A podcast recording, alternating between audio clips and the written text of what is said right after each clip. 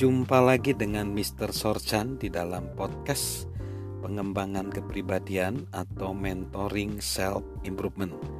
Saat ini kita akan masuk ke dalam satu aspek yang penting di dalam peningkatan kapasitas kehidupan kita yaitu aspek spiritual.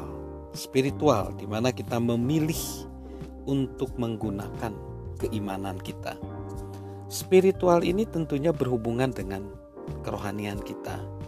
Dan kita tahu bahwa um, manusia di mana pun di permukaan bumi ini mempunyai kerohanian. Bagaimana dia ingin berhubungan dengan Tuhan, berhubungan dengan Sang Pencipta kehidupan. Dan kita tahu bahwa Tuhanlah yang menciptakan alam semesta ini, menciptakan kita semua. Nah, spiritual ini uh, aspek yang perlu kita ketahui untuk meningkatkan nilai-nilai spiritual itu adalah bagaimana kita hendaknya mengenal Tuhan itu sendiri. Siapa Tuhan itu? Bagaimana Tuhan itu berperilaku atau berbuat kepada alam semesta ini, kepada ciptaannya termasuk kita. Kita harus mengenal atribut-atribut Tuhan, di mana Tuhan itu maha kuasa, dia maha hadir, dia maha baik, dia maha kasih, dia maha penyayang dan lain-lain. Mengenal Tuhan itu adalah aspek atau langkah pertama yang harus kita uh, sangat ketahui atau harus kita mengetahuinya yaitu siapa Tuhan, mengenal Tuhan. Nah, lalu yang kedua kita harus merasakan Tuhan sendiri, merasakan siapa Tuhan. Dan kita tahu bahwa uh, saya meyakini bahwa Tuhan adalah mengasihi kita, menyayangi kita. Karena rasa disayangi ini penting sekali.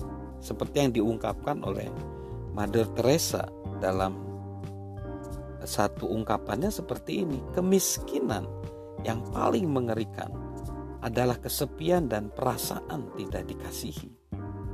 Kemiskinan yang paling mengerikan adalah kesepian dan perasaan tidak dikasihi. Perasaan tidak dikasihi, perasaan tidak diperhatikan, ini menjadi satu kemiskinan yang paling mengerikan. Dan kita tahu orang memohon kasih sayang kepada orang-orang yang ada di sekitarnya. Ketika kita kecil, kita memohon kasih sayang dari orang tua, dan kita tahu bahwa orang yang tidak mengalami kasih sayang orang tua, ketika dia dewasa akan mengalami banyak problema.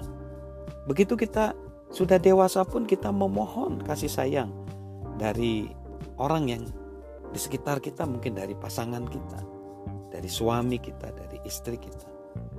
Ketika kita sudah tua pun kita memohon kasih sayang mungkin dari anak-anak kita ketika kita lelah.